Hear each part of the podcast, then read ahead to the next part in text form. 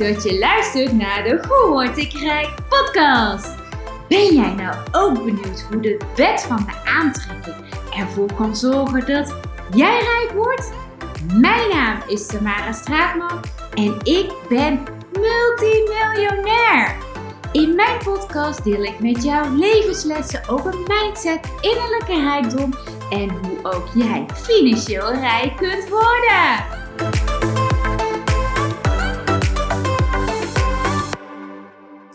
Ik denk dat iedereen zich hierin wel eens, of zelfs misschien wel geregeld in herkent. En dat is zonde. Want stress zou je namelijk niet hoeven voelen. Zelfs niet in de meest stressvolle situaties. Hoe dan? Dat ga ik vandaag met je bespreken tijdens deze nieuwe aflevering Help. Ik heb stress. Het is de bedoeling dat je er natuurlijk ook iets van op gaat steken. Ben je er klaar voor? Want wat is stress nu eigenlijk en wat betekent dit? Om dit aan jou duidelijk te maken wil ik je eerst even een verhaaltje vertellen. Neem als voorbeeld een dier, bijvoorbeeld een hert. En dat hertje dat staat lekker te grazen in de bossen en opeens schrikt het van een geluid. Hij spit zijn oren nog even wat verder en is de komende seconden ontzettend alert. Want dit geluid kan een verschil betekenen in leven en dood. Zodra het geluid stil blijft, zal het dier opnieuw kunnen ontspannen. Maar zodra hij iets ziet of hoort wat gevaar kan betekenen, dan zal hij natuurlijk meteen gaan vluchten. En dat is een overlevingsinstinct. Wij mensen hebben precies hetzelfde instinct. Zodra wij gevaar ervaren, dan gaan we namelijk vechten, vluchten of bevriezen. Ook komen wij in diezelfde overlevingsstand. Echter, de meeste situaties waar wij dat gevaar ervaren, zijn helemaal niet zo levensgevaarlijk. En zo ontstaat de stress. In onze hersenen zitten namelijk allerlei aansturingsmechanismen, waaronder dit oeroude reptiele brein. We zijn gemaakt om te overleven, te voortplanten. En dat is maar goed ook, want anders waren we natuurlijk al lang uitgestorven. En wat je verder moet weten over de werking van onze hersenen, is dat het allerlei verbanden maakt. Dat noemen ze nu neurologische koppelingen. Als jij bijvoorbeeld ooit bent gebeten door een Duitse herder, dan zal jij vermoedelijk elke keer wanneer je een Duitse herder opnieuw tegenkomt in de stress schieten. Je hartslag gaat omhoog, je pupillen worden wijder, je wordt alerter en loopt misschien wel een blokje om. Oftewel, je vertoont vluchtgedrag, net zoals Bambi, het hertje. En nu zul je misschien denken, maar dat is toch helemaal logisch en verstandig? Natuurlijk is dat logisch en verstandig, want jouw reptiele brein wil je alleen maar in veiligheid brengen. Dat is namelijk zijn voornaamste doel. Wat is dan het probleem, hoor ik je denken? Nou, telkens wanneer jij stress ervaart, en dat kan een gevoel zijn, maar ook gedachten over jezelf, over de ander of over een bepaalde situatie zijn, dan wordt dus jouw overlevingsmechanisme geprikkeld. En dit gebeurt overigens geheel onbewust en in milliseconden. Alleen is er op dat moment dus zeer weinig gevaar. Waarom we dan toch zo geprikkeld worden, dat heeft dus te maken met jouw neurologische koppelingen. Dieren die zijn bijvoorbeeld zuiver in hun waarnemingen. Ze hebben geen menselijke gedachten of vertonen sociaal wenselijk gedrag. En wij doen dat wel. Dat is gelukkig ook nodig om een maatschappij te creëren waarin wij alle kunnen samenleven. Anders zou het namelijk één grote jungle worden. Alleen doen wij mensen dus eigenlijk iets geheel tegennatuurlijks. We zijn onszelf bepaalde dingen gaan aanleren of juist gaan afleren, die in sommige gevallen heel handig zijn, maar in sommige situaties dus totaal niet wenselijk is, want ze geven jou dus enorm veel stress. Ik zal je een paar voorbeelden geven. Nou, als kind kun je natuurlijk niet overleven zonder je ouders of je opvoeders. Ze bieden jou, als het goed is, veiligheid, geborgenheid, eten en drinken, een dak boven je hoofd en een fijn samen zijn. Toch geldt dit helaas lang niet voor iedereen zo. In elk gezin zijn er namelijk bepaalde situaties waar jij als kind wellicht moeite mee had. Alleen val je op dat moment je ouders niet af. Ja, je kunt wel aangeven dat je het misschien niet fijn vindt of niet wilt, maar uiteindelijk zijn zij degene die bepalen en heb je jezelf daarbij neer te leggen. En in hele simpele voorbeelden die ik zo meteen ga geven, zie je dat we ons loyaal gaan opstellen naar onze ouders toe. En schuiven we dus steeds onze grenzen iets op. Want we hebben nu eenmaal te overleven, nietwaar? Nou, één voorbeeld. Je komt thuis van school en je voelt spanning thuis. En je vraagt aan je ouders, pap, mam, wat is er aan de hand? En ze doen alsof hun neus bloedt. Jij gaat vervolgens twijfelen aan je eigen waarnemingen, want waarom zullen je ouders tegen je liegen? En dit vormt dus gelijk een neurologische koppeling die jou steeds opnieuw weer laat twijfelen aan je eigen waarnemingen als anderen niet open en eerlijk over de hele situatie zijn en jij voelt dat hetgeen wat zij zeggen totaal niet klopt. Want je hebt immers als kind daar geleerd om op je ouders te vertrouwen, ongeacht wat er gaande is, want zij brengen jou nu eenmaal in veiligheid. Een ander simpel voorbeeld. Je vader die komt thuis van zijn werk en je bent heel blij om hem te zien. Maar hij is in een niet zo goede bui en aat een beetje gedoe op zijn werk, veel stress en hij reageert dus niet zo enthousiast. Zelfs misschien wel een beetje afstandelijk en bits. En in dit kleine voorval kun jij dus ook een neurologische koppeling maken, waardoor jij wellicht denkt dat je iets hebt misdaan, waarom je vader zo je reageert. Hoe denk je dat je voortaan in een please gaat schieten zodra je vader gaat thuiskomen? Want hé, hey, hij is wel degene die je veilig houdt, dus die kun je maar beter te vriend houden, toch? Een ander voorbeeld. Nou, je zit op de fiets en je valt. En je moeder die is ontzettend geschrokken en die reageert vanuit angst. Oftewel het reptiele brein, want ze is bang om jou te verliezen en ze heeft haar kroost veilig te houden. Ze reageert op dat moment feller dan eigenlijk goed is voor jou. En je schrikt van haar gedrag. En je besluit op dat ene moment, die fiets laat ik voortaan staan als mama zo bang is. En vervolgens is het dus een eeuwige strijd tussen jou en mama om jou opnieuw op die fiets te krijgen. Wat die neurologische koppeling natuurlijk nog maar sterker en heftiger maakt. Fiets betekent namelijk voor jou gevaar. En gelukkig hebben dus niet alle simpele voorbeelden die ik zojuist geef een enorme impact op jou. Want je ouders zullen in sommige situaties ook goed hebben ingegrepen en de neurologische koppeling daarmee geneutraliseerd. Wat bedoel ik daar nou precies mee? Nou, ik bedoel daarmee dat ze direct op de situatie gereageerd hebben, zodra ze bewust zijn dat het voor jou heel veel impact heeft gemaakt. Of ze laten gedrag van jou waarvan ze denken, hmm, dat is niet zo heel handig. En spelen naar wijs gaan ze dan jou nieuwe dingen leren en oude dingen afleren. Ze gaan je als het ware opnieuw conditioneren. En dat betekent dus heel simpel gezegd nieuwe verbanden maken en dus neurologische koppelingen leggen. Alleen zullen er dus ook veel situaties zijn geweest waarop jouw ouders de impact van hun gedrag of de specifieke situatie niet gezien hebben en ze hebben jouw verandering wellicht niet opgemerkt of ze weten niet waar het vandaan komt. En misschien was je zelfs wat te klein om het te kunnen vertellen en te benoemen als ze ernaar vroegen. Of misschien heb je zelfs besloten, en dat is dus ook een neurologische koppeling, om er niet over te willen praten. En je duwt dit weg. Want je wilt immers je ouders niet afvallen. Want je hebt hen, cru gezegd, simpelweg alleen maar nodig om te overleven. En dat is dus hoe dat reptiele brein van ons werkt. En die conditioneringen, die neurologische koppelingen die jij door heel je leven gemaakt hebt, en niet alleen maar in samenspel met je ouders, met alle mensen die jij hebt gezien tijdens je opgroeien. Dat is hoe jij als mens uiteindelijk tot op de dag van vandaag gevormd bent. En betekent dat dan dat je nooit kunt veranderen in wie je bent? Nee, dat is onzin. Want hoe jong of oud je ook bent, alle neurologische koppelingen zijn vervangbaar. Je kunt dus alle ongewenste emoties, gedachten en gedrag vervangen door gewenste emoties, gedachten en gedrag. Is dat eenvoudig? Wel met NLP, neurolinguistisch programmeren. Daarover later meer. Want hoe vervelend is deze stress voor jou? Heb je dat wel eens bedacht? Hoeveel impact dat heeft op jouw gehele leven? En niet alleen op je gemoedstoestand, maar jouw algehele welzijn, jouw gezondheid, de kwaliteit van jouw relaties, de successen in jouw leven of het uitblijven hiervan. Heb je wel eens beseft dat alles wat ik zojuist benoemde een reflectie is van jouw dagelijkse stress? Het is namelijk de blauwdruk van jouw leven.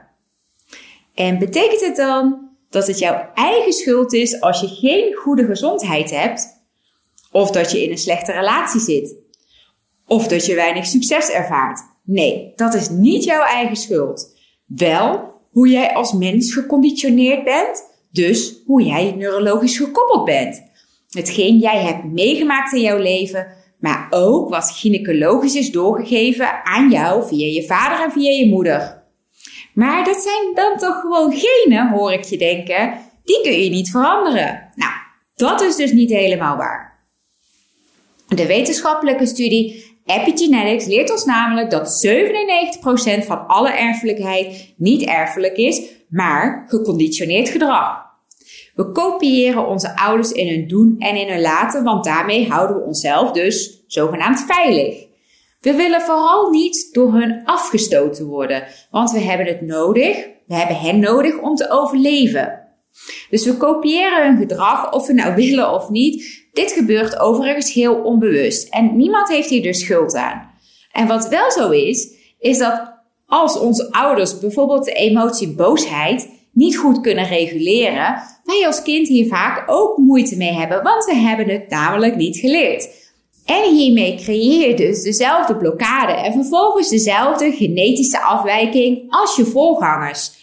Overigens is dit proces omkeerbaar zodra je dus bewust bent van jouw blokkades en deze neurologische koppelingen uit jouw systeem haalt, zal je opmerken dat je gezondheid 180 graden draait. Tenminste wel als jij er op tijd bij bent natuurlijk. Want het lichaam is namelijk gemaakt om te overleven.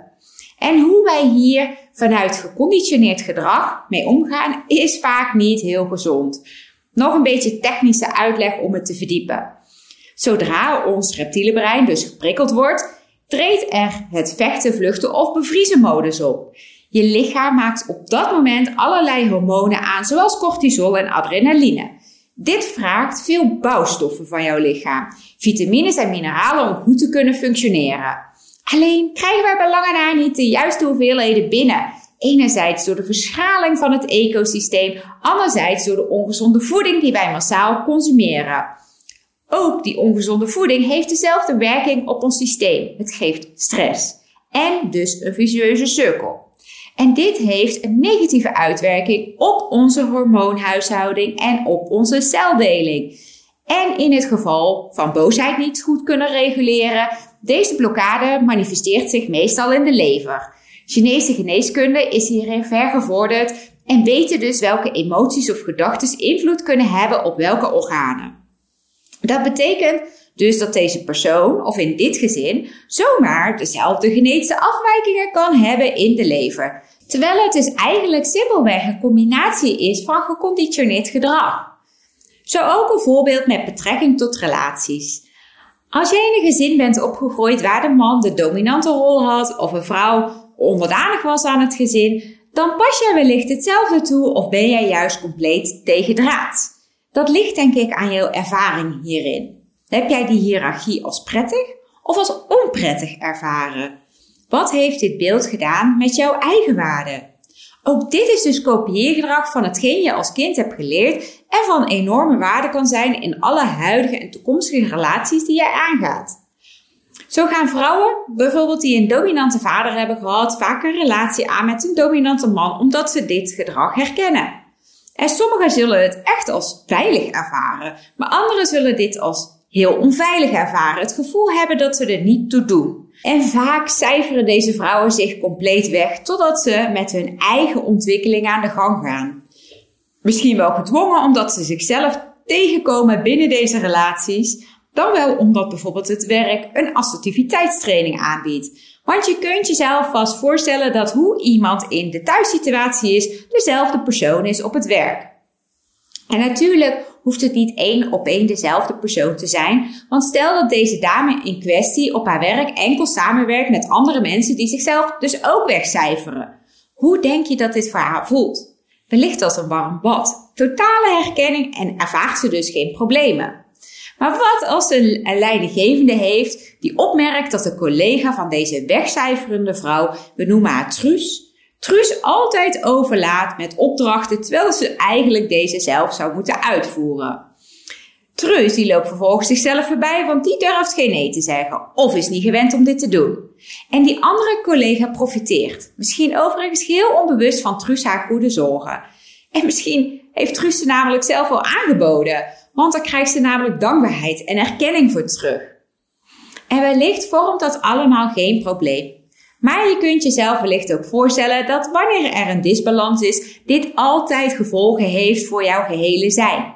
En misschien is dat nu nog niet goed zichtbaar, maar geloof me, uiteindelijk betaal je altijd de hoofdprijs. Niemand komt ermee weg. Dit is namelijk hoe wij mensen gebouwd zijn. Alles hoe jij in het leven staat is een blauwdruk van jouw onbewuste, geconditioneerde neurologische koppelingen. Niets meer of niets minder dan dat. En met NLP kun je dus vrij eenvoudig hierin het verschil maken. NLP is namelijk een techniek waarmee je dus vrij eenvoudig jouw belemmerende emoties, gedachten en gedrag, oftewel die stressprikkels, in kaart brengt.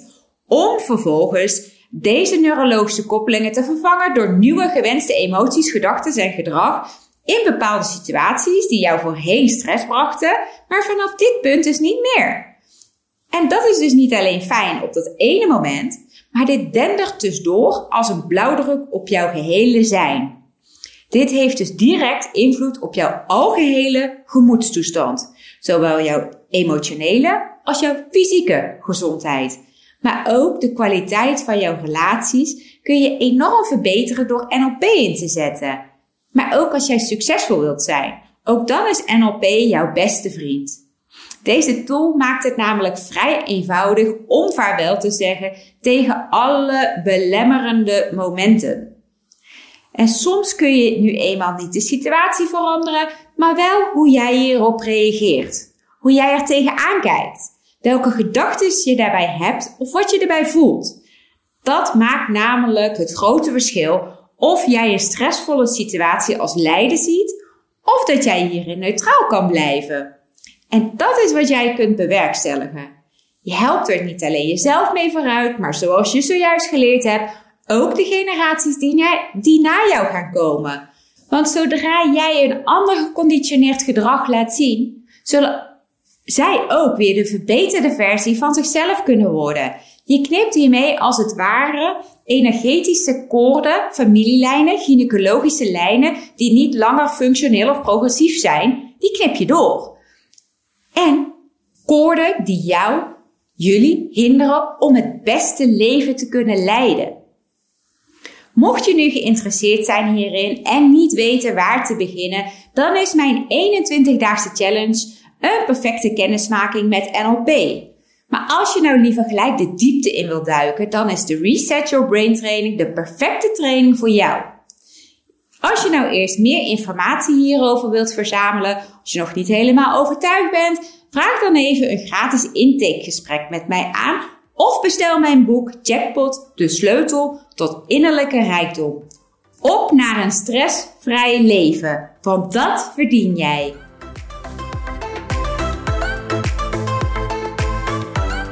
Superleuk dat je weer hebt geluisterd naar een aflevering van de Hoe word ik rijk podcast. Wil je nou regelmatig geïnspireerd worden met mijn levenslessen over mindset, innerlijke rijkdom en hoe ook jij financieel rijk kunt worden? Vergeet jezelf dan niet te abonneren op deze podcast. En vond je dit nou een boeiende aflevering? Of heb je vragen hierover en mis je een bepaald onderwerp? Zou je hier graag iets over willen horen? Laat het ons dan even weten door een review te plaatsen. Dat zou ik echt super tof vinden. En wil jij nou direct starten met het opbouwen van jouw financiële of innerlijke rijkdom?